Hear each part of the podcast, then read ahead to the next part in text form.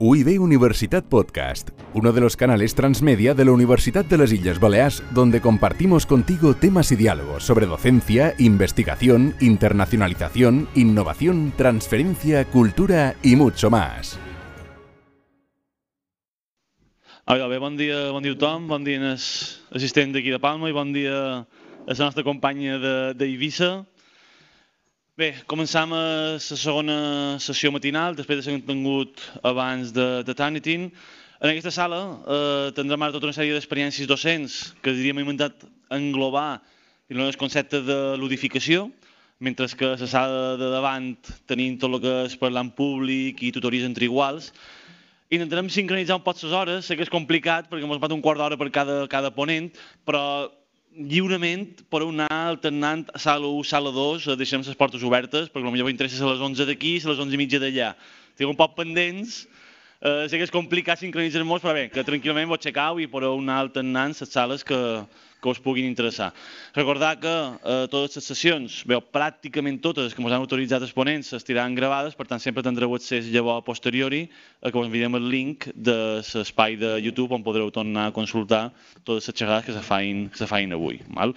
Si idees eh, d'aquestes sessions, a diferència un poc d'ahir, que eren un poc més unidireccionals, que siguin molt més participatives, cada professor o professora ens contarà la seva experiència, és a dir, és en pla, jo faig això i això me va bé, llavors ja cadascú que ho pugui adaptar eh, en el seu espai, la seva assignatura i el que cregui més, més evident.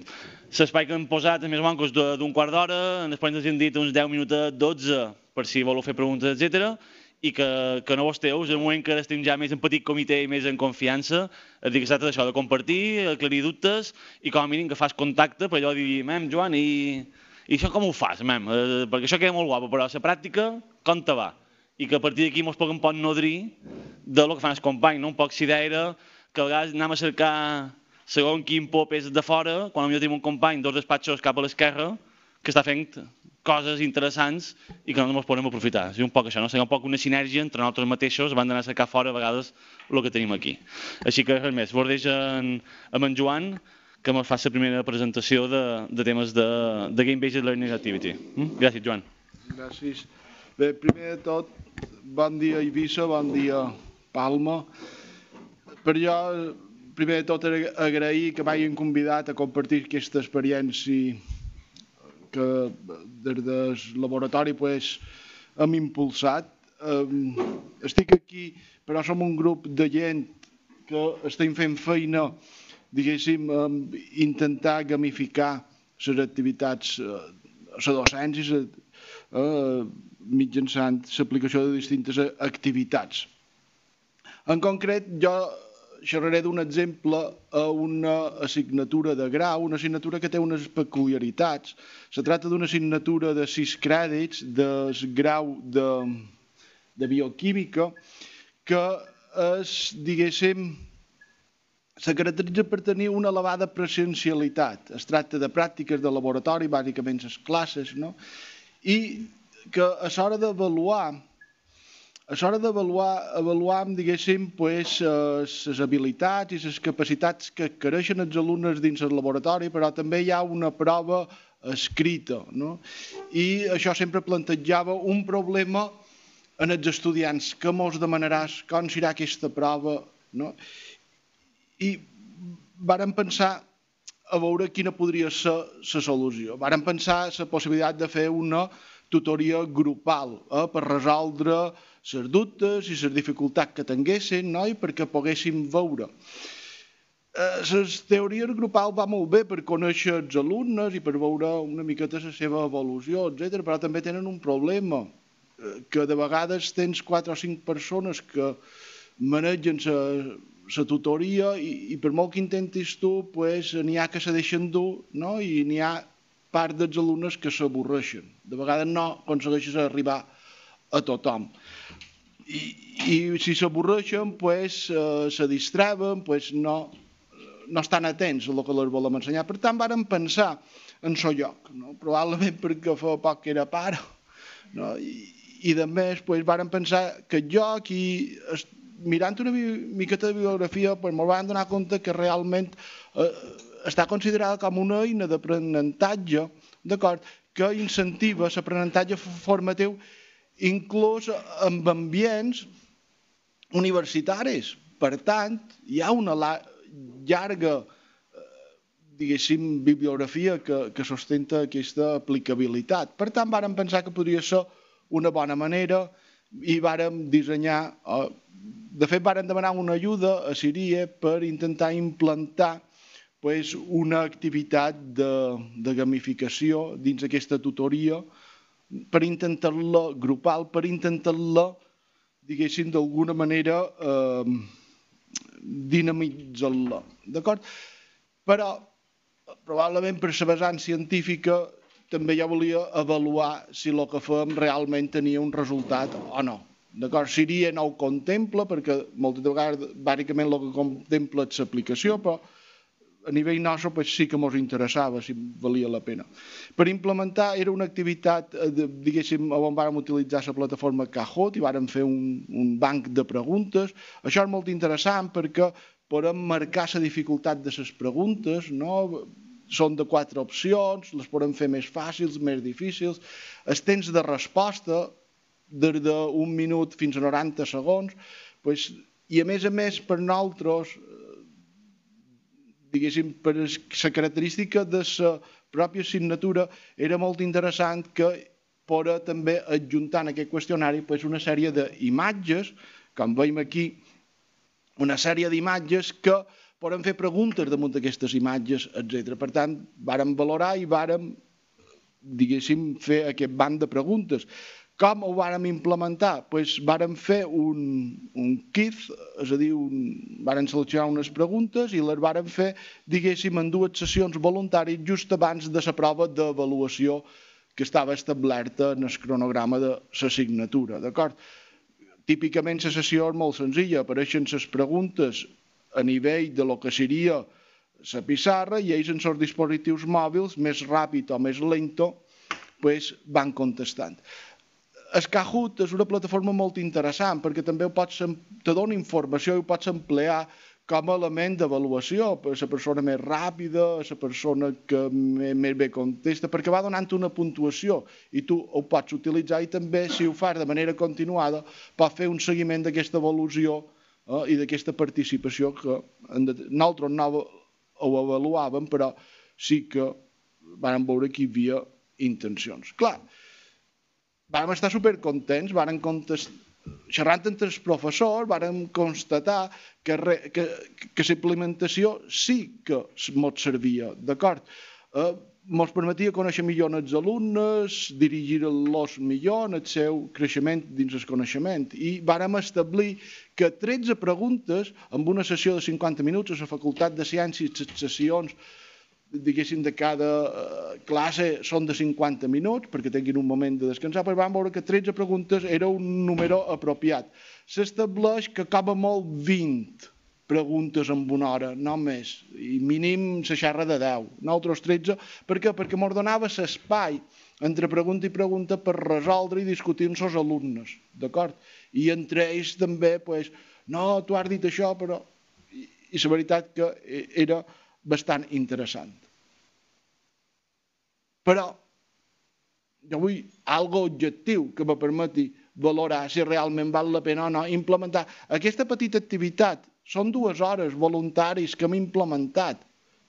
D'acord? Quins són? Però ho vàrem fer avaluant l'impacte a nivell del coneixement assimilat per l'alumne. Com ho vàrem fer?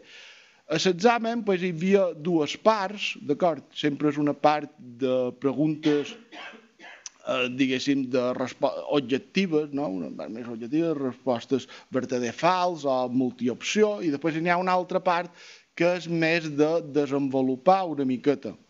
pues, eh, que vàrem fer va ser a la sessió havien reforçat sobretot els coneixements d'una part de l'assignatura, com que era voluntària, etc. i uns altres indirectament també els havien reforçat, però no explícitament. I per altra banda també teníem, com que és una assignatura que ven donant bastant de, des de fa bastant de temps, pues, tenc notes d'abans d'implementar aquestes dues activitats, aquestes activitats que se van implementar en dos cursos acadèmics i, per tant, poder-los comparar. Els resultats que varen ser, molt interessants per nosaltres. Primer de tot dir que hi va haver 10 alumnes, eh, de, de més 90 i pico, que alumnes que han tingut durant aquests dos cursos, n'hi va haver de més 10 que no varen venir cap de les dues sessions. D'acord? Això ens va anar bé perquè ens va permetre veure que si això és la, part, la nota de la part reforçada i la nota de la part no reforçada, pues, el que varen veure és que les dues aparentment eren igualment difícils. D'acord? I que si venien al manco a una de a una de les sessions, o una o dues sessions, pues eren capaços d'incrementar la nota. La nota final que obtenien d'aquesta prova de l'examen, vaja, no?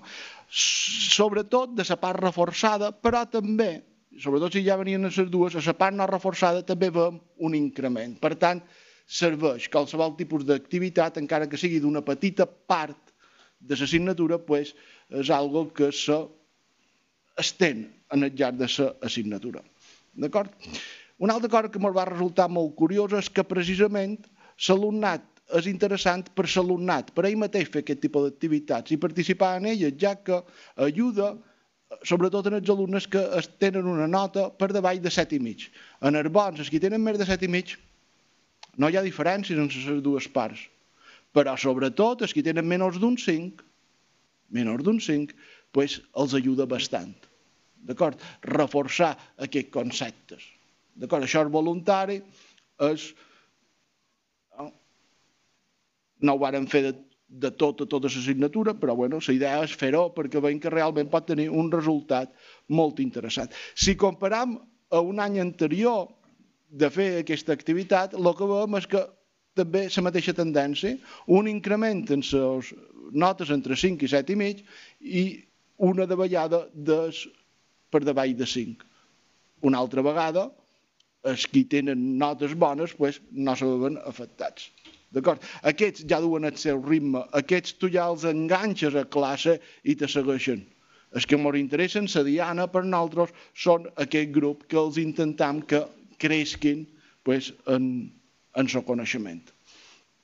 També vàrem avaluar a través d'una enquesta de satisfacció en els, en els alumnes, que la vàrem elaborar expressament, tenia nou ítems, d'acord, eh, i que va, vaig recollir jo, i també en l'opinió que els alumnes havien expressat sobre l'activitat concretament meva, d'acord, eh, per això la MOS, del Servei d'Estadística i Qualitat de la universitat. Bueno, la valoració. Ahir el que se comentava de la presencialitat o no a l'hora de rellenar enquestes és molt important. Amb unes aconsegueixes elevades participacions i per tant te pots assegurar que els resultats que tens són bastant fiables i les mos creiem. D'acord? L'acceptació globalment d'aquesta activitat va ser molt bona, el, en general els va motivar i els va ajudar en el seu procés de aprenentatge, és a dir, ells eren conscients que jo els ajudava, i això també també és gratificant, d'acord? Eh, I també varen entendre que jo ajudava a dinamitzar si comparaven amb altres assignatures, amb altres tutories grupals, pues, a dinamitzar aquesta activitat. Ja m'ho anava bé. D'acord? Però, i això m'interessa a mi especialment, el que jo vaig aconseguir és millorar la meva valoració de la meva activitat docent. D'acord? Tinc una nota que està a damunt la nota el promig de la universitat, per davall del nostre departament. Mm, tenc les companyeres que són fantàstiques i, i tenen molt bona nota, pugen, d'acord, però he pujat. Aquí està registrat el primer any que fem aquesta activitat. El segon any que fem aquesta activitat, probablement perquè també nosaltres tenim més experiència, eh? ara ja estic a la mitja del departament. D'acord? Per tant, i es, vos record que es qüestionaris d'opinió de l'alumnat és un d'aquests tres pilars a l'hora d'avaluar la nostra activitat docent que se tindran en compte, sembla ser, de cara en el futur. Per tant, tot això que ens reflecteix, pues, que hi ha una bona acceptació per l'alumne, d'acord, i és útil, i ells són conscients de que els és útil, i sobretot a nosaltres ens motiva. Fem una activitat que ens d'un temps, ens costa un temps, però que aconseguim, aconseguim millor resultat que nostres alumnes enganxen-los que tirin endavant, d'acord? I per tant ens anima a estendre a aquesta activitat. Això és una miqueta tot el que volia contar, vos dono les gràcies, també dono les gràcies a Siria, que ens va permetre pues, financiar una miqueta aquest projecte i estic a la vostra disposició. Per qualsevol pregunta. Sí que m'agradaria fer dues qüestions que presentant aquests resultats a un congrés de bioquímica ens vàrem plantejar és demanar, si fem aquest tipus d'activitats i sobretot si els passam qüestionaris, hem de passar un comitè de bioètica. És important. D'acord? Eh, no sé si la universitat ho té establert o no. Jo vaig demanar a l'oficina de suport eh, a la docència i me van confirmar que realment sí, si passant qüestionaris en els alumnes, convé passar una comissió. D'acord? Per estar més segur. I sobretot és hora de voler publicar de bioètica per valorar.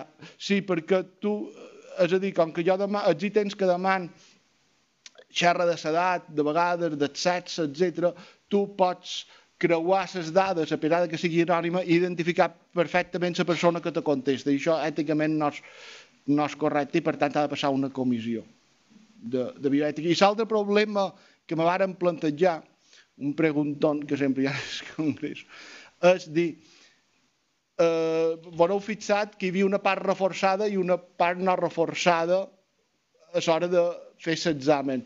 Ell considerava que això no era ètic, d'acord, que s'havia de reforçar totes les parts de l'assignatura. D'acord? Per tant, també hem d'anar alerta.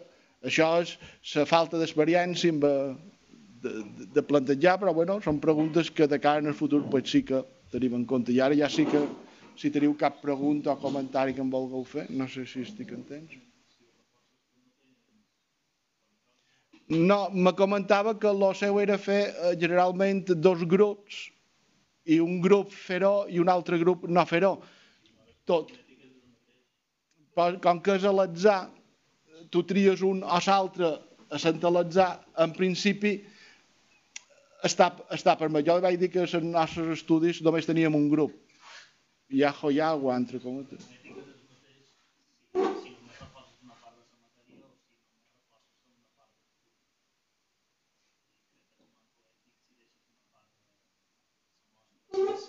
Jo, jo també, i, i també li vaig dir que li vaig argumentar a aquesta persona que com que era una activitat voluntari i que si venien a les dues sessions se reforçaven totes les parts, era opció de l'alumne voler-lo o no voler-lo fer. Vull dir, tots podríem venir. Jo vaig cercar unes... Eh, està fora d'horari, jo vaig cercar unes dates que tots expressament me varen dir que, que podríem venir i intentar que arribar a tothom. Però, més que res, l'exemple aquest d'una petita... Aquest banc de preguntes, que ja ho tenim fet moltes de vegades dels propis exàmens, recuperar exàmens antics, no? i probablement transformen-los en aquesta activitat i els enganxes perquè se piquen una cosa grossa i la plataforma Kahoot és molt interessant.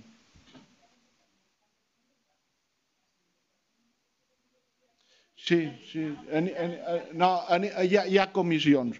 Hi ha comissió de bioseguretat, hi ha comissió d'experimentació animal, hi ha una comissió de bioètica. De fet, arrel de qualque professor, del comportament ètic de qualque professor, sé que s'ha configurat. No sé quins són els procediments, però eh, sobretot si inclús aquests projectes de Siria, que d'innovació docent, que aquestes ajudes, petites ajudes que ens donen per implementar, no estic segur si han de passar o no. El que és cert és que si tu vols publicar aquestes dades, que creguis que a part de transmetre als companys d'aquí a la universitat, les vol transmetre ja una comunitat més ampla, el que me diuen és que la revista me demanarà, si té un cert factor d'impacte, que sempre és el que cercam, te demanarà haver passat o no el consentiment, diguéssim, es, el comitè de bioètica, que implica que tu faràs un consentiment informat els explicaràs també als alumnes. Això ja ho vaig fer, de paraula, però ho volen per escrit, per firmat, guardat, eh, la protecció de dates de personals, etc. D'acord? De tota manera, jo entenc que tot el que he mostrat i tot el maneig de totes aquestes dates és dins l'assignatura i com a responsable de l'assignatura, en certa manera, diguéssim, jo era conèixer tot per, per avaluar bé. Però bueno, això és tot el que volia contar. Moltes de gràcies eh? i felicitar l'organització per...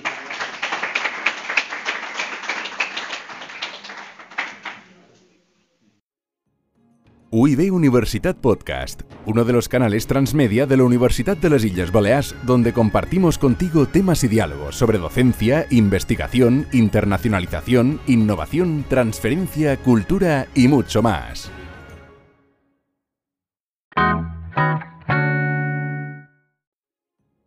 UIB Universitat Podcast, uno de los canales transmedia de la Universidad de las Islas Baleares, donde compartimos contigo temas y diálogos sobre docencia, investigación, internacionalización, innovación, transferencia, cultura y mucho más. Bé, per no rodar molt més amb els formalismes, donant pas a Amanda Far, que ens contarà.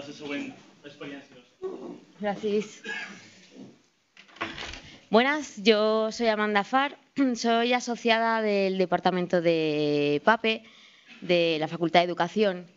Y esto nos convierte, cuando digo no, cuando hablo en plural, mm, hablo del departamento y de mis compañeros, no es que tenga doble personalidad, ¿vale? Eh, nos convierte en un arma de doble filo, ¿vale?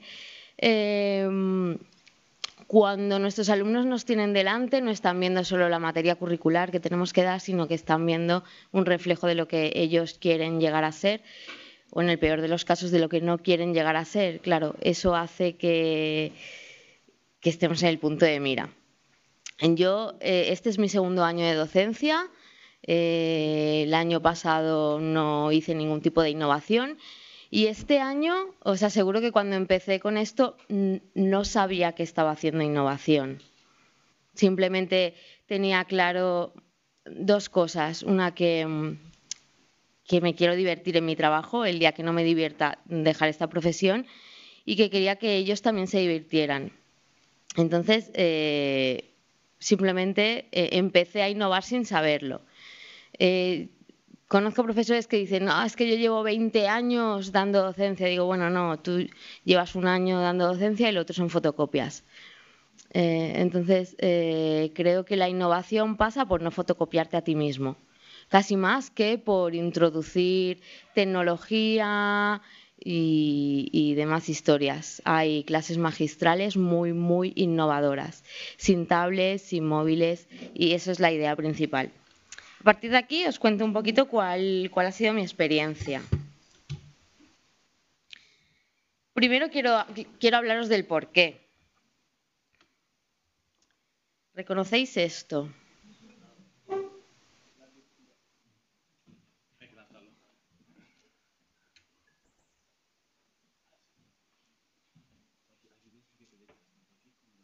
Ok, merci.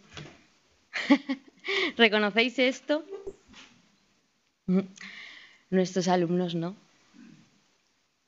Voy un paso más.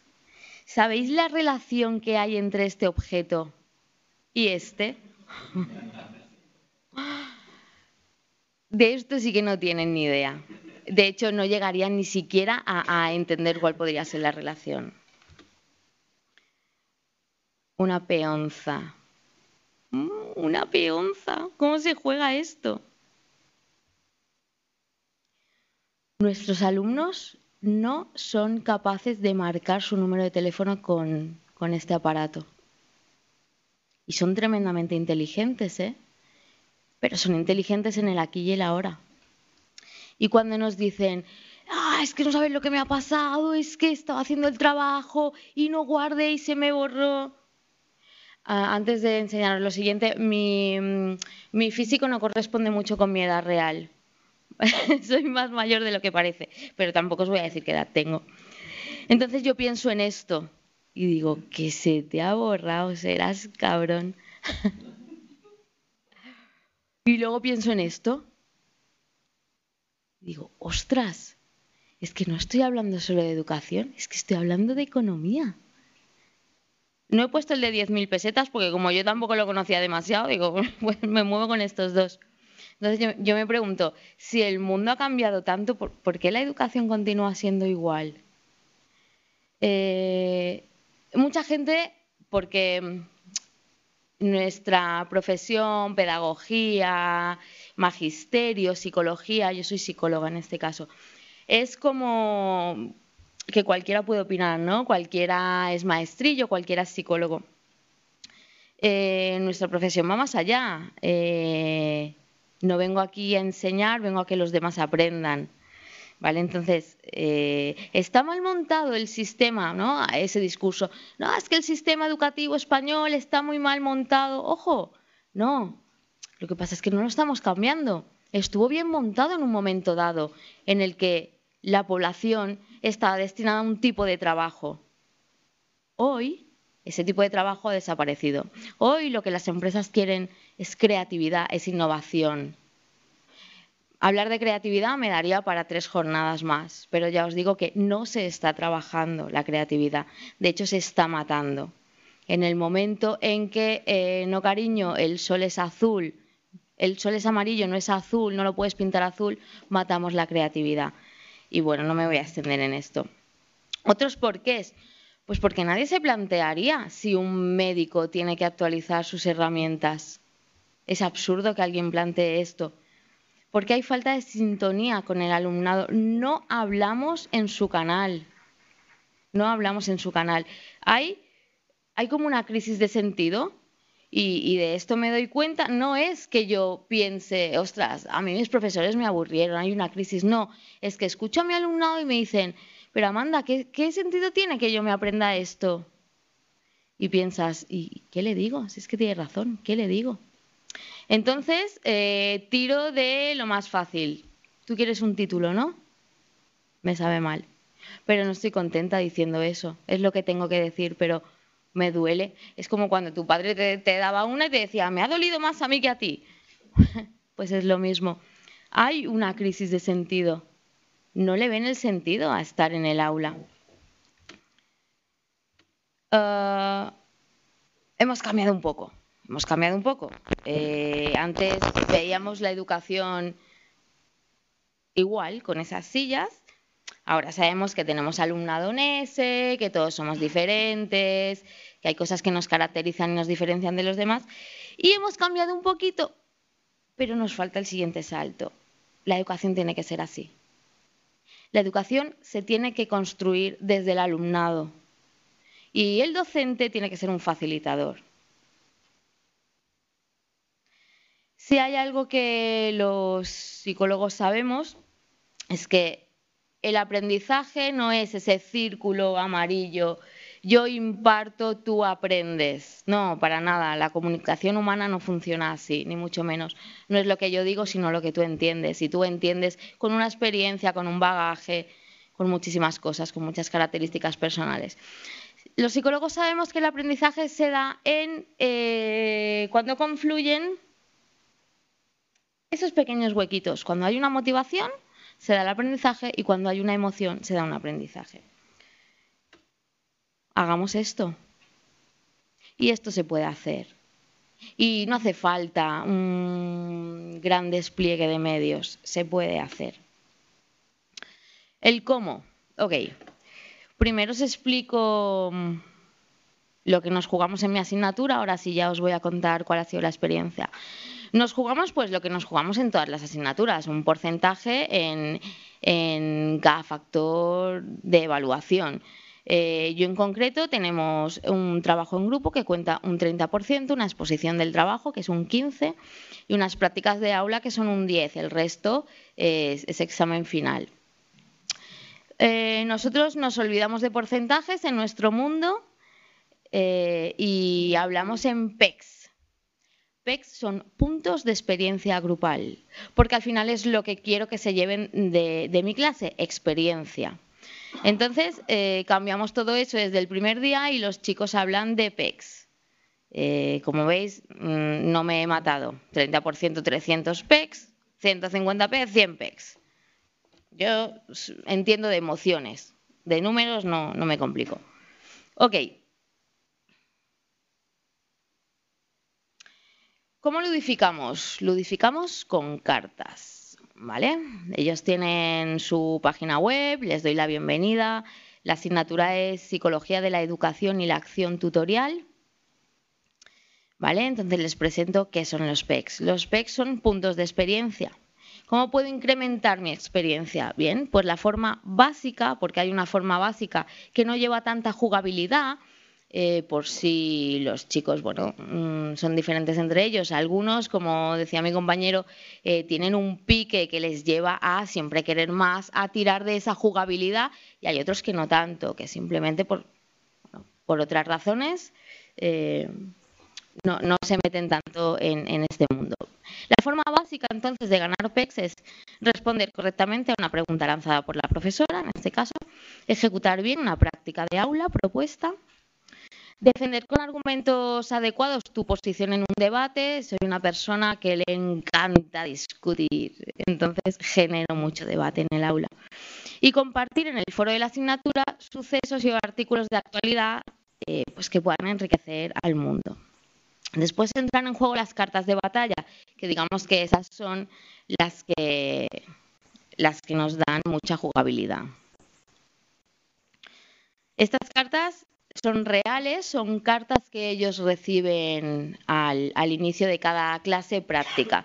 Solamente gamificamos las clases prácticas de manera que yo juego con menos número de alumnos. ¿vale? Ellos reciben estas cartas que son reales, las he hecho yo. Sé que estáis pensando, o es muy friki o tiene mucho tiempo libre. La primera sí, la segunda no. Vale, ellos las presento. Vamos a una presentación, por ejemplo, poción de la verdad. Haz una pregunta a otro equipo. Si el equipo responde bien, ganará cuatro PECs, de lo contrario, los ganarás tú. Fuego interno inicia un debate en el aula. Eres profesor y no puedes evitar sentir aversión por ciertas prácticas que se están dando en tu colegio. Abre un debate sobre el tema que deba cambiarse en nuestra sociedad. Cartas de hurto, y creo que estas son, eh, y lo digo por observación, las que más les divierte. El equipo propondrá una pregunta a desarrollar por todos, en silencio, por escrito y por equipos se puede buscar información. La mejor respuesta hurtará dos PECs a cada equipo. Como veis, ellos pueden ir ganando, perdiendo y robando. Eso genera no tanto que se preparen la materia para el profesor, sino para que los otros grupos no les roben. Entonces se genera todo, este juego entre ellos. El cuentacuentos. Esto es algo más de carácter individual. Si has leído algo interesante y haces una disertación en clase sobre el tema, ganarás un saquito de PEX. Un saquito de PEX por no poner... Em, por no poner un número fijo, porque evidentemente soy yo quien decide si la disertación es lo suficientemente buena o no. El ladronzuelo lanza una pregunta a otro equipo sobre el tema que estamos viendo en, en la clase, que hay una falta. Eh, si fallan la respuesta, hurtarás los PECs. De lo contrario, si la respuesta es válida, tendrás que pagar tres PECs. Como veis, siempre hay un componente em, de peligrosidad. No es, venga, voy a por ti, te hago una pregunta, sino, oye, es que si la hacen bien, el que paga soy yo. Entonces, con eso siempre he pretendido que, mm, no se genere un mal rollo, sino que todo lo que es competición sea sana y lo he conseguido, la verdad que lo he conseguido. Esbirro de protección. Aquí ya se me fue un poco la olla. El esbirro de protección lucha por vosotros y os protege de una pregunta que no sepáis o de un hurto a traición. Claro, si evitas la pregunta, tienes que pagar, porque lo que yo busco es innovación, yo busco creatividad, busco que te lances a la piscina. Si tienes esta carta, te lanzas a la piscina y, fallas en la respuesta, no te quito nada. Pero si directamente evitas responder, sí te quito cinco puntos. ¿Veis un poco el juego que, quiero generar? Control mental a la profesora, porque quiero entrar en su juego. Eh, soy muy, muy cercana mm, a ellos, entonces quiero entrar en su juego. Puedes controlar la mente de la profesora. ¿A qué equipo quieres que lance la siguiente pregunta? Libro de conjuros. Esta carta os da el poder para parar el tiempo para poder consultar vuestros apuntes. Ok, bueno, no sé cómo, no sé cómo voy de tiempo, un poco mal. Eh, son ejemplos del tipo de gamificación que hacemos. Este es el ranking que les subo. Es importante que ellos controlen cómo va su equipo. Eh, estamos hablando de puntos de experiencia, pero una de, las normas es que solo ganas o pierdes puntos de experiencia si estás en el aula. Si no estás en el aula, tu grupo puede seguir ganando puntos de experiencia sin ti. ¿vale? Dejamos atrás a los caídos. Eh, entonces, bueno, no, no, es real por, por, salvaguardar sus nombres y demás, pero esto es lo que ellos ven cada semana. Y entonces, eh, incluso los he oído hablar. La semana que viene te vas a enterar. Eso hace que ellos mismos se preparen la asignatura. Los resultados. Como os he dicho, cuando empecé a hacer esto, no pensé estar innovando. Y, no lo hice así, con lo cual los resultados que, puedo daros son comparativas que he sacado de los cuestionarios de evaluación al profesorado que los chicos han hecho. Alumnos matriculados, este año eh, son muchos los alumnos, yo llevo un grupo de 73. Los alumnos encuestados, en este caso fueron 40, es un 53%. Eh, lo que os traigo es la asistencia a clases sin obligatoriedad. Yo no obligo ni en la práctica ni en la teoría. El 87,5% de ellos vinieron a todas las clases, el 10% a la mayoría y el 2,5% a la mitad. Me parece, me parece un, un buen dato, una buena conclusión. Resultados finales de la asignatura. Eh, de 73 alumnos se presentaron 71 alumnos al examen. Eh, de ellos, aprobados, eh, estamos hablando de, categoría, categoría de aprobado, el 52% aprobaron la asignatura, han aprobado la asignatura, con un 36% tienen un notable, un 9% suspendidos y un 3% no presentados, que son dos. Entonces, me parecen buenos resultados. Tengo que decir que nuestra asignatura eh, es de las que llaman hueso. ¿Vale? Sí que lleva componentes que no son tanto del ámbito de la educación, sino que nos movemos mucho más por el de la psicología y ellos la, perciben como tal. He traído también las valoraciones cualitativas. Eh, no porque quiera enseñaros cuáles han sido mis valoraciones, porque no es una valoración hacia mi persona, es hacia mi metodología. Las he traído todas Sabéis que no suelen responder todos a, esta parte de las evaluaciones y no he dejado ninguna. Y estoy enormemente orgullosa de las palabras que constantemente salen. Interesante, clases amenas, entretenidas y de profit, motivante, engancha, que al final ha sido el engagement lo que yo pretendía se enganchan al juego, se enganchan a la psicología que hay detrás de los juegos, bien, que se enganchen también a esto. Eh, entretenidas, interesantes, divertidas, nos motiva, potencia nuestros intereses. Esta es mi favorita. Y, la segunda favorita es se adapta a nuestras necesidades. Eh, no hablan de necesidades educativas, hablan de lenguaje, de cercanía eh, de que son alumnos que, no van a trabajar mecánicamente y es lo que se les está enseñando.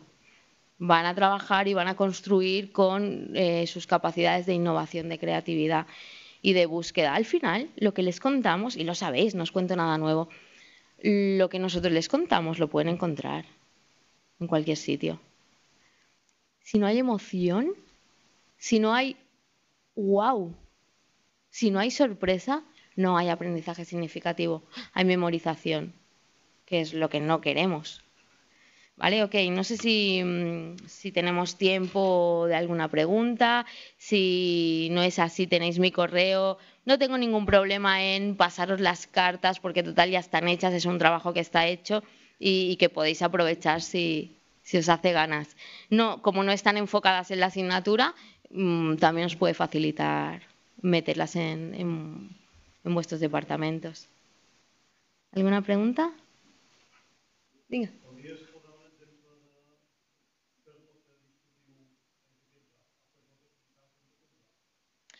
Uh, lo que fem és, quan comencen les classes pràctiques, no, no ho he dit això, uh, jo també tenc uh, les meves cartes, que normalment són de preguntes sobre la teoria que m'he estat veient. I de, lanza una pregunta, es cuando ellos comienzan a jugar. Pues yo hago control mental y que se la lance a otro equipo. Pues yo, como no me sé la respuesta, eh, paro esto, però el que jo sé no és jugar a classe, perquè això ho fem 15 minuts. El que jo sé és la preparació que han fet ells de cara a venir a la classe. Ostres, que demà mos la jugam. I no se'n donen compte que estan estudiant. O ho fan per pique, per la morbositat del pique, que és com se mouen ara mateix els nostres alumnes. No ho fan ni per sorprendre el professor ni per treure mm, més nota, perquè en el final, quan treus les notes, te diuen «Ostres, però com puedo ganar més pecs?» No te xerren de notes i no se'n donen compte que al final és el mateix. Uh, aquesta és la jugabilitat, la preparació que ells fan per, uh, per jugar amb els altres.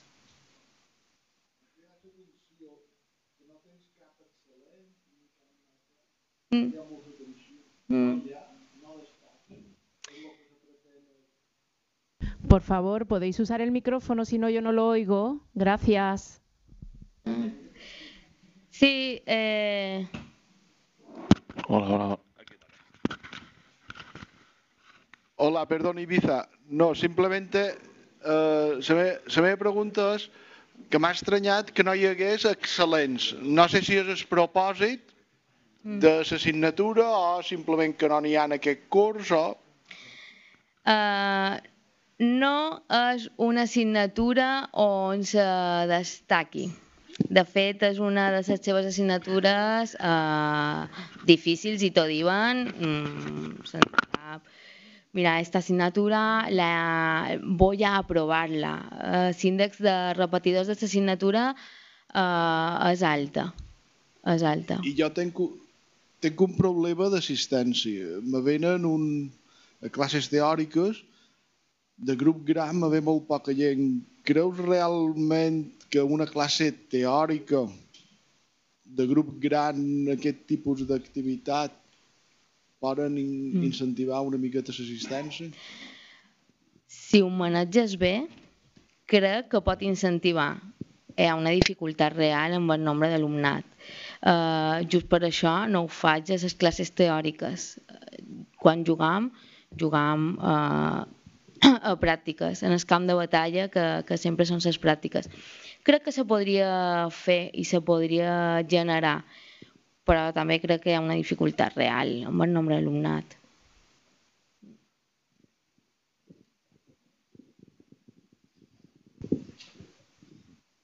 Bé, jo te vull felicitar, m'apareix superinteressant, una mica friqui, reconec. és a dir, és molt parescut en es, m'imagino que les partides de rol i això, mm. a mi m'agafa bé, però bueno, crec que en els alumnes els pot interessar, no sé si per entrar de zero el sistema és molt complex, però sí que se pot fer una versió més simplificada amb manco cartes. M'ha paregut que el catàleg de cartes era ampli i que podria suposar una dificultat.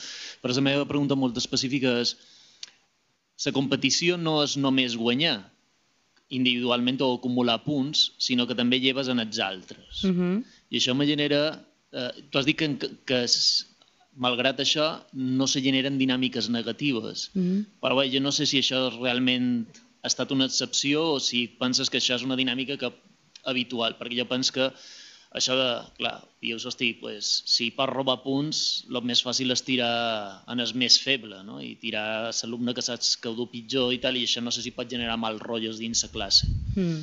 Eh, era si, si pensaves que aquesta versió de que puguis perjudicar l'altre, no només guanyar tu, que, que tu guanyes a costa de l'altre, o mm -hmm. si mm-hmm. penses que és millor començar amb una versió més soft que només puguis acumular i que sigui més independent de, dels altres. Mm. I bé, i enhorabona per...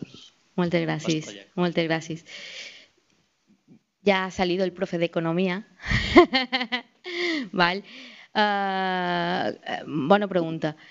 Uh, aquí la figura de, del docent juga un paper molt important eh, a la mesura en què ets molt has de ser molt facilitador del bon rotllo i has de tear molt ràpidament eh, el primer atisbo de, de negativitat que claro que, que en el principi n'hi ha però quan veuen que no se trata tant de de, de, no hi ha una necessitat real de robar, perquè els recursos que jo els hi dono són suficients com per poder aconseguir sense robar. Fins i tot, vos contaré una anècdota. Hi ha una carta que te permet ajudar, no sé si, si era, te permet ajudar a un altre, a un altre grup i n'hi ha una altra que te permet vendre la carta. És una carta de protecció i la pots vendre. Val? Entre ells deien, quan sortia una pregunta amb una certa dificultat i se veien eh, com a bloquejats, de sobte sortia un grup que deia «Eh, te vendo esta carta que te protege».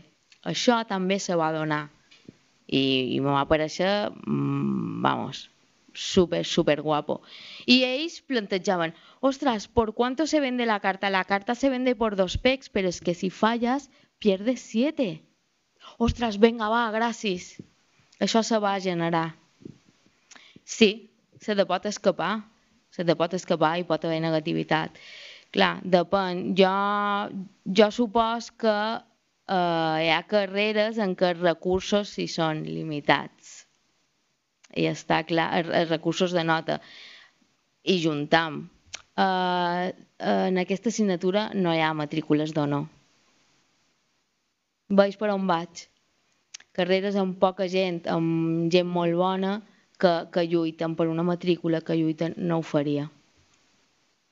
No ho faria perquè al final no m'estic, en aquest cas de les matrícules no m'estic jugant només una nota, m'estic jugant més coses. A tu. um, has dit que no era obligatori venir a les classes pràctiques i, per exemple, si se...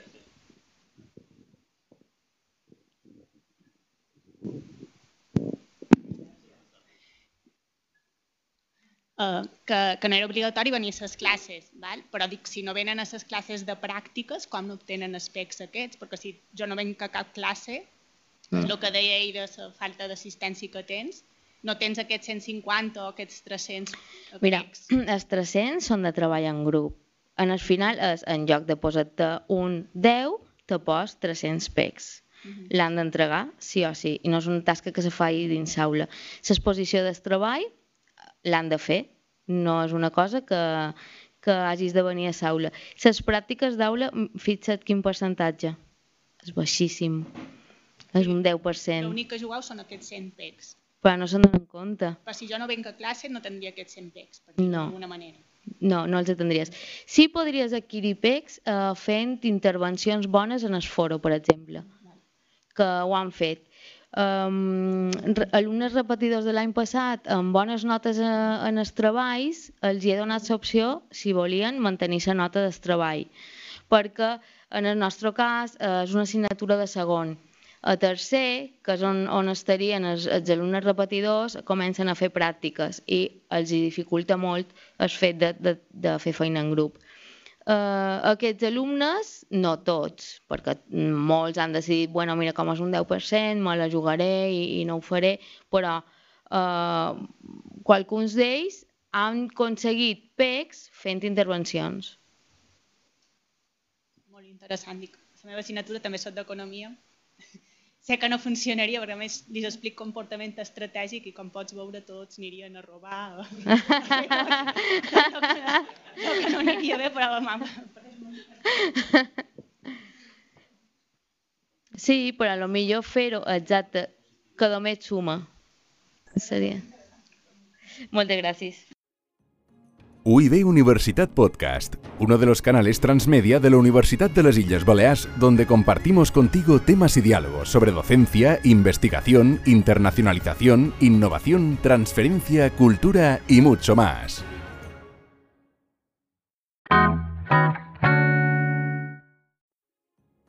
UIB Universitat Podcast, uno de los canales transmedia de la Universidad de las Islas Baleares, donde compartimos contigo temas y diálogos sobre docencia, investigación, internacionalización, innovación, transferencia, cultura y mucho más.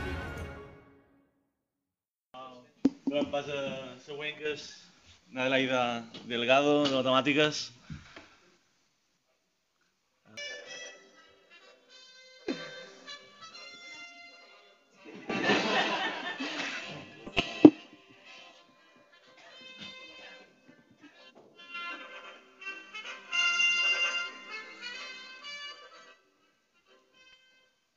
Bueno, nos vamos de aventura ha sido el lema de las prácticas de la asignatura de sistemas operativos de grado de Ingeniería Informática.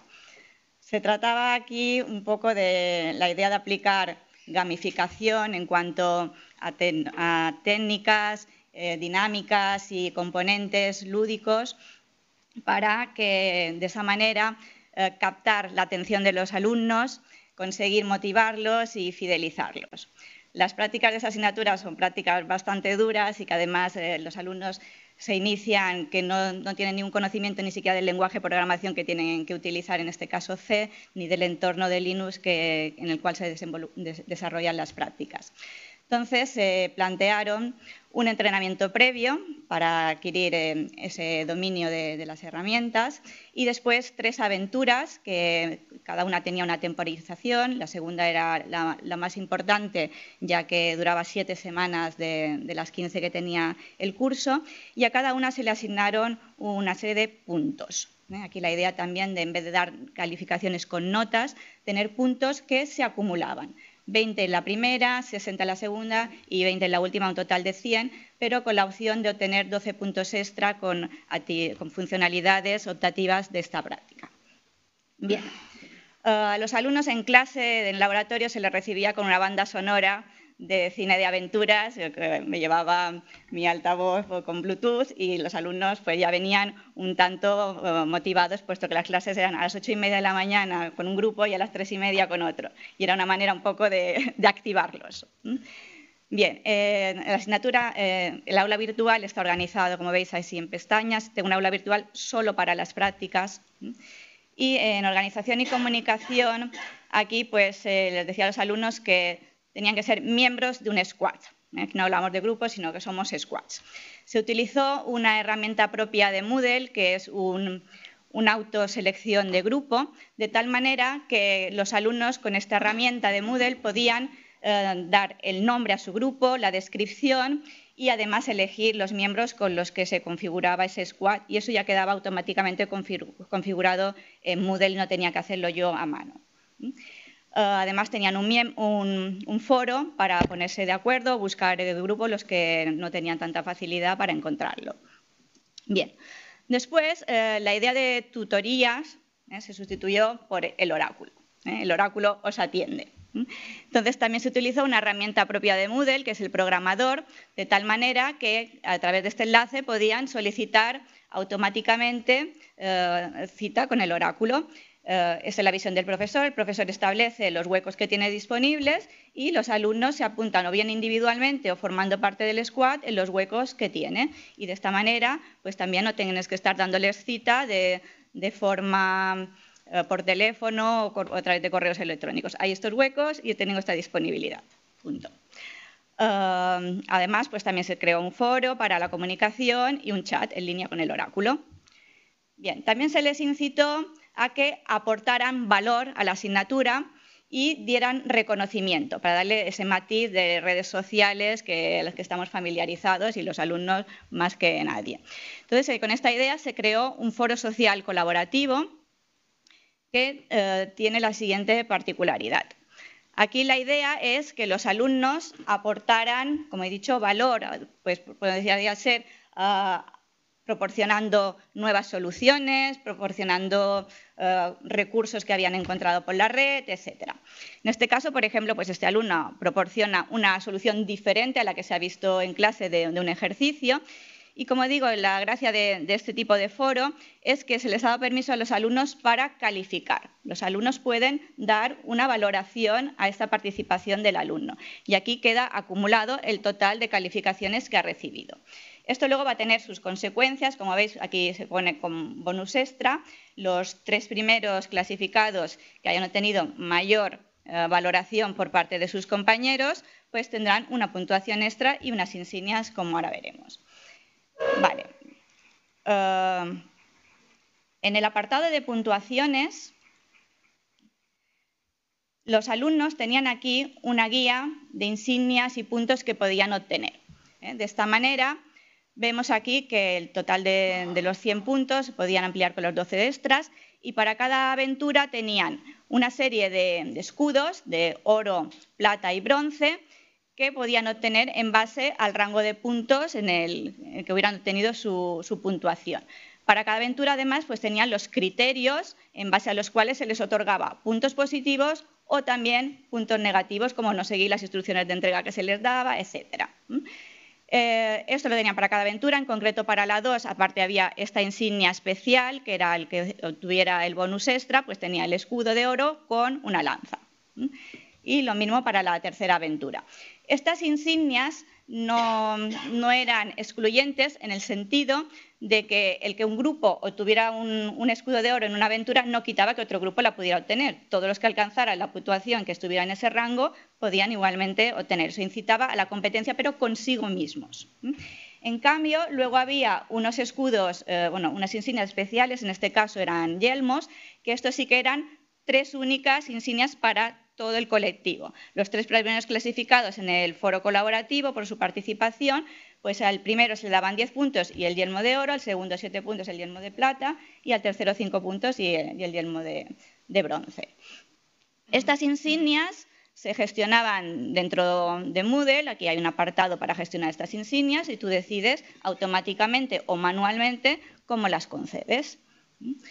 Bien, eh, dentro también de las puntuaciones el, alumno, eh, como, tal, ahora veremos, voy a entrar con el rol de alumno, eh, podía ir al apartado de calificaciones y como veis aquí tenemos los tres elementos básicos de calificación, que es la obtención de las recompensas de cada una de las aventuras y el rango que está estipulado de 0 a 20, 0,72, 0,20.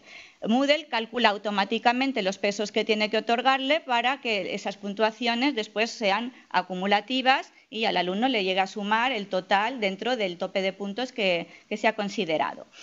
En cuanto al foro, es un elemento evaluativo, pero pesa 0% porque ahí lo que hacíamos era acumular las, valoraciones, pero eso luego tenía una conversión manual a través de este otro elemento que se añadió aquí para dar esos 10 puntos, que era lo que realmente pesaban, los 7 o los 5.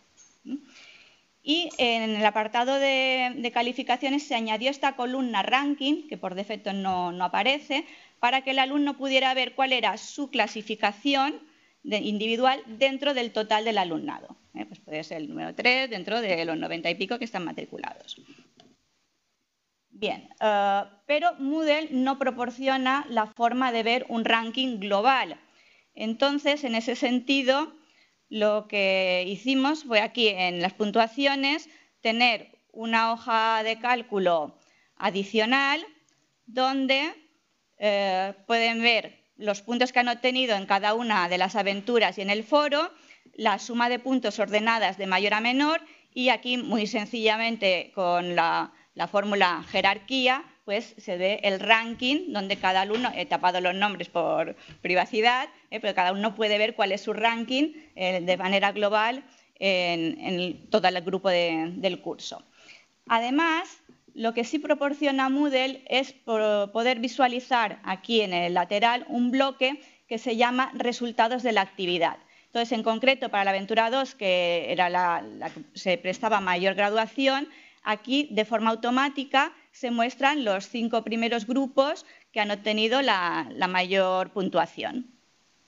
Bien, luego las insignias, eh, ahora veremos luego cómo se otorgan, pero la idea es que una vez que un alumno tiene unas insignias, las puede activar, las puede hacer visibles en su perfil, pero aparte en la asignatura, aquí en el apartado de puntuaciones, se ha creado, digamos, a modo de colección, un saco, digamos, donde el alumno puede ver todas las, insignias que ha obtenido.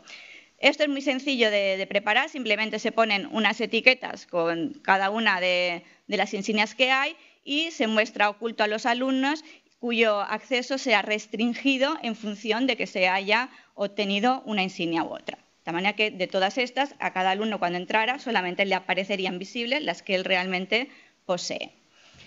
Bien, eh, si vamos directamente ya a ver un poco en qué consistían las dinámicas de cada sesión, en lo que era el entrenamiento previo, aquí podéis ver que había tres semanas, cada una de ellas pues, tenía una serie de denunciados y ejercicios, y lo que se puso fue un rastreo de la finalización de la actividad. Aquí podéis ver estos cuadrados eh, continuos donde el alumno manualmente iba marcando que había finalizado esta actividad. De tal manera que también se metió un elemento sorpresa. Cuando el alumno completaba esta fase de entrenamiento, automáticamente le apareció esta imagen, eh, ya estáis listos para salir de aventuras. Como os podéis imaginar, poner fotos de este estilo da juego a los alumnos, muy tentador a que creen memes, ¿no? Y de hecho, pues en las pantallas de los ordenadores pude ver este del Señor de los Anillos con mi foto. Pero bueno, son efectos colaterales. Y además circulado por WhatsApp, como podéis ver aquí. Pero bien. vale. Eh, en cuanto a las aventuras, vamos a ver, por ejemplo, la, aventura 2, que era la más completa. Aquí la idea es que había una presentación de la aventura. Aquí no hacía falta que la marcasen eh, manualmente. Veis que este trazo es discontinuo. Esto significa que Moodle la marca automáticamente por el hecho simplemente de que los alumnos entren a ver este recurso. Bien, la aventura esta se graduó en siete niveles. Aquí también la idea lúdica de, superación, de, que un nivel, ¿eh? cuando supera un nivel puedes pasar al siguiente. Entonces los enunciados no estaban totalmente visibles, sino que requería que, el alumno hubiera superado un nivel para que le apareciera automáticamente el enunciado del siguiente. Estaba todo encadenado.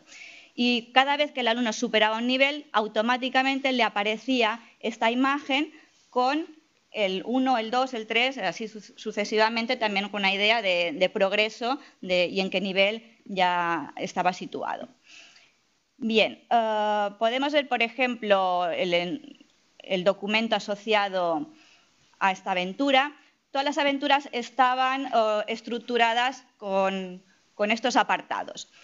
¿Cuáles son los retos de este nivel? Es muy importante aquí la idea de desafío, de reto, hemos de conseguir tal cosa, y esto en cada una de las sesiones, no de forma global en la aventura, sino en sesión por sesión. ¿Qué aprendemos con, estos retos? No solamente ver que este reto forma parte de un todo, sino que el reto en sí mismo nos va a hacer aprender una serie de conceptos teóricos y una serie de conocimientos también prácticos. ¿Qué hay que hacer en detalle en este nivel? Aquí ya pues serán los detalles de implementación, Luego, ¿qué recursos metemos en nuestras mochilas? Seguimos con la idea de aventura, nos cargamos una mochila y ahí metemos los documentos. Y cómo podemos autocomprobar que hemos superado este nivel, la idea de superación y de autocomprobación para obtener feedback de forma inmediata. Aquí podéis ver, son 15 páginas de un solo documento para una sesión, ¿eh? pero para que veáis un poco la idea, se incrustan también fotos de aquí subiendo niveles, ¿eh? toda la documentación, los documentos que metemos en la mochila, los test que tenían que ejecutar y comprobar por sí mismos si les daba los mismos resultados que a mí y la celebración un poco del logro de que lo hemos conseguido. ¿eh? Cada aventura, con estos test que llevaban asociados, la podían repetir las veces que les hiciera falta. Es decir, los hitos era al finalizar cada aventura sí que había un plazo de entrega y se tenía que entregar. Pero dentro de una misma aventura, esos niveles, pues esa idea también de, juego de que puedes aprender a base del error e intentar todas las veces que sea necesario. Bien, una vez eh, que ellos consideraban eh, que habían superado esos niveles, entonces tenían que entregar la tarea, pero ese entregar la tarea se disfrazaba un poco como solicitud de recompensa. Entonces aquí los alumnos subían los ficheros y obtenían una puntuación. Entonces, en el momento que obtenían una puntuación, esta tarea quedaba automáticamente finalizada y con un check verde si estaba aprobada o rojo si no estaba superada. Esto lo hace Moodle automáticamente, también configurando los criterios de finalización que, uno decida. Bien, entonces, como no bastaba que estuviera aprobada o suspendida para obtener las, insignias, sino que cada insignia de oro, eh, plata o bronce tenía que entrar esa puntuación en un rango, lo que se hizo fue crear, en este caso, cuatro páginas para cada una de las insignias y con acceso restringido en función de la calificación que se hubiera obtenido al solicitar la recompensa. Entonces, para cada alumno, si entraba en el rango correspondiente, solamente se hacía visible una de estas páginas. Y cuando el alumno entraba a verla, entonces se consideraba finalizada, eh, en este caso, por ejemplo, la obtención del escudo de plata y a través de la gestión de las insignias que tiene Moodle se otorgaba automáticamente y el alumno la podía ver en su perfil y en la bolsa esta que hemos dicho de colección de, las insignias alumno por alumno. Bien, otra idea también que, quise implementar es la de que llevaran idea del progreso eh, del estatus de, finalización del curso. Bien, en este sentido se incluyó aquí un bloque que, lleva Moodle. Voy a entrar como alumno también para que lo podáis ver. Cambio de rol, enseñante. Bien, si entramos como alumno, le dice qué actividades tiene finalizadas, no del total de las actividades que, tiene marcado el rastro de finalización, sino de las que yo he configurado de que son necesarias e imprescindibles para considerarse que el curso está finalizado. Porque algunas pueden ser optativas, otras pueden ser simplemente que, que tengan que hacer una lectura, pero que no sea realmente requerimiento. Entonces el alumno así puede ver cuántas actividades lleva del total y puede solicitar más detalles y aquí le saldrían todas las actividades que tiene que completar durante el curso y si el requisito es que la tiene que marcar manualmente o que tiene que visualizar la, URL, recibir una calificación, etcétera. Y aparte la fecha en que lo consiguió y si está completada o no. Bien. Y además, eh, luego, eh, también si yo voy a la lista de las asignaturas,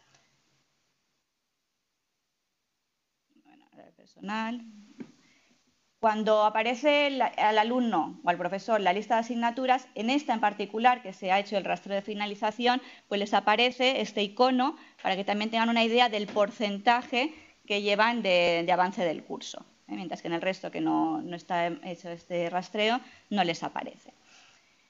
Entonces, bueno, esto ha sido un poquito la experiencia y eh, la idea de, de marcar toda esta serie de, aspectos de gamificación dentro de la, asignatura. Si queréis hacer preguntas.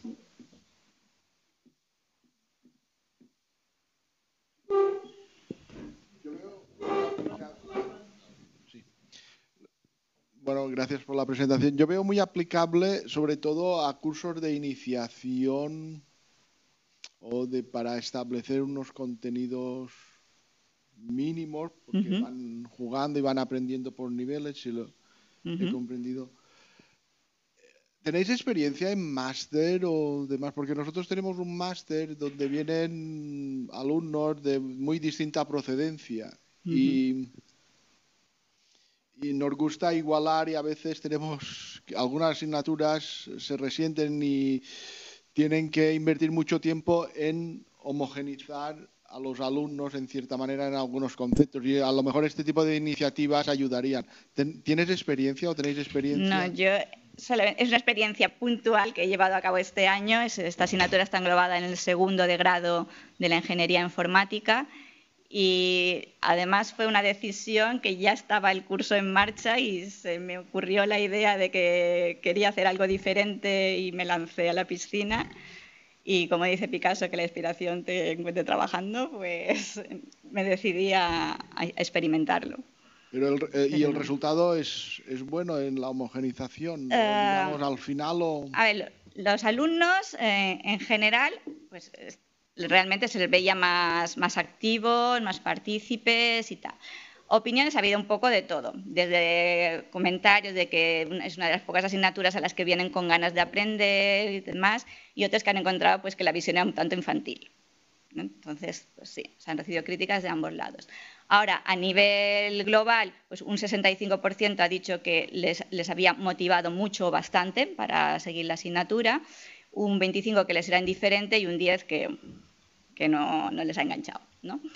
Eh, en este sentido, la dificultad de las prácticas es la que es. Quiero decir, esto es un disfraz, pero eso no quita la complejidad. O sea, y algunos también lo, han, puesto en evidencia. Dicen, sí, nos lo hemos pasado muy bien y tal, pero la práctica había que hacerla y había que cumplir los requerimientos. ¿no?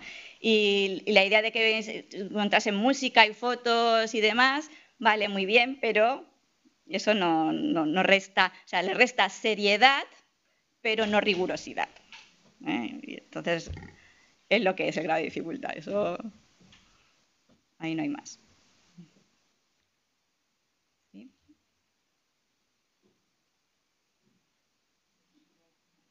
Vale, pues muchas gracias.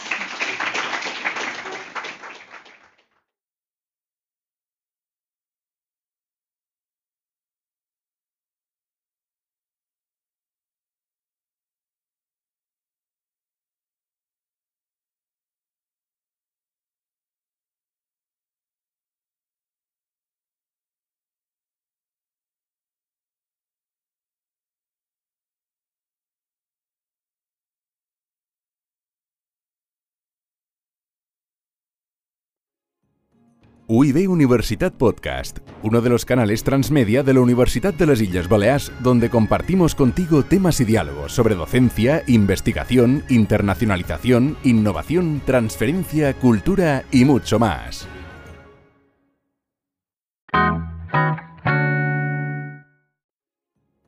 UIB Universitat Podcast, uno de los canales transmedia de la Universidad de las Islas Baleares, donde compartimos contigo temas y diálogos sobre docencia, investigación, internacionalización, innovación, transferencia, cultura y mucho más.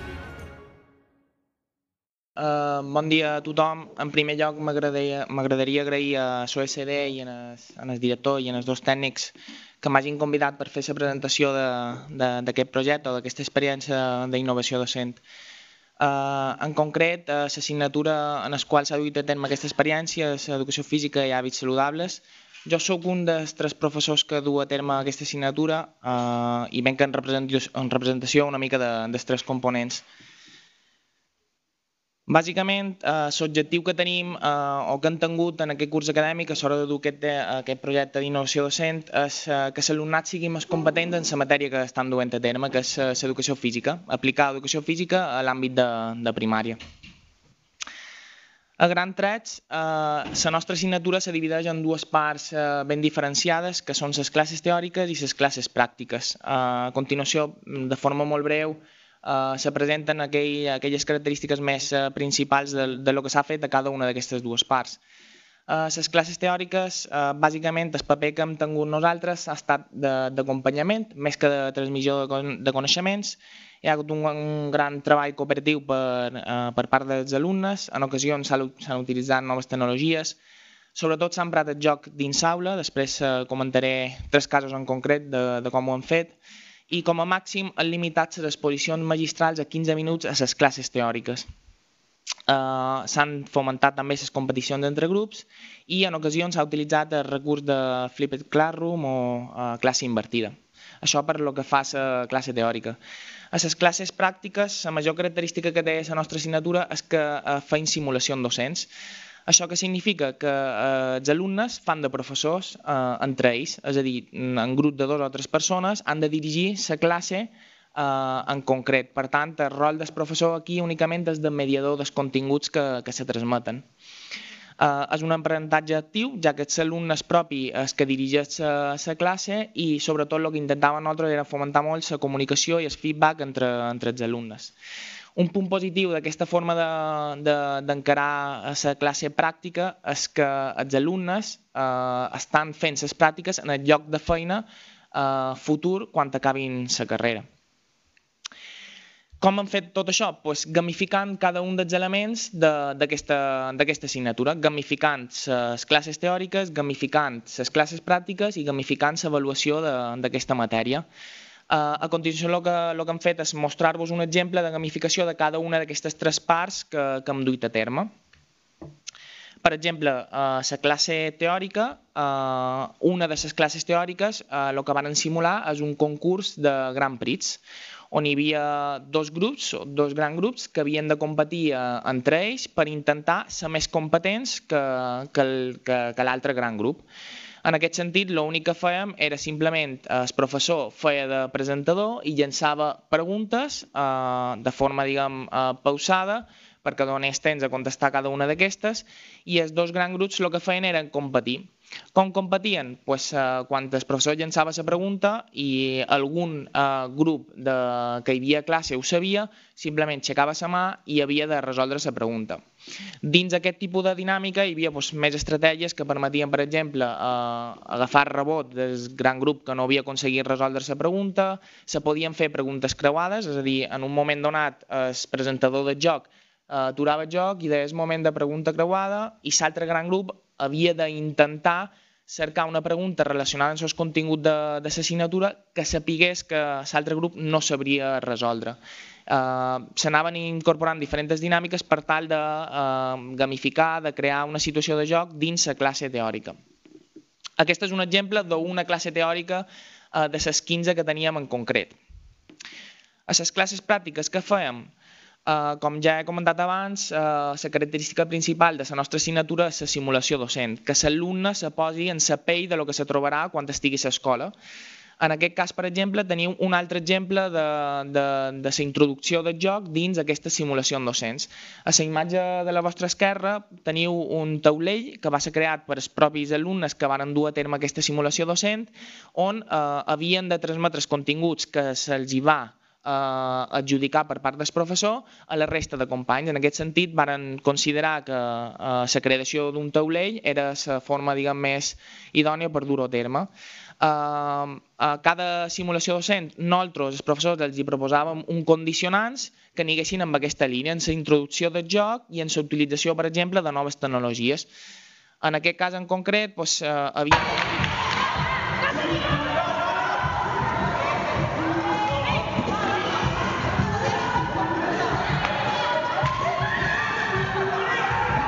en aquest cas en concret, els dos reptes eren eh, gamificar els continguts que, que nosaltres els hi havíem dit que havien de transmitir la resta de companys i monitoritzar la freqüència cardíaca amb l'ús d'aquest sistema que, que duim a terme. Per tant, cada simulació docent els hi proposaven reptes diferents relacionats amb la gamificació i que havien d'aplicar ells mateixos. El professor s'apartava, feia un rol de mediador i eh, controlava que els continguts se transmetés de forma diguem, correcta amb allò que havien pautat a la guia docent. I el més interessant i el que més afecta en els alumnes és el tipus d'avaluació, no? com han gamificat aquest sistema.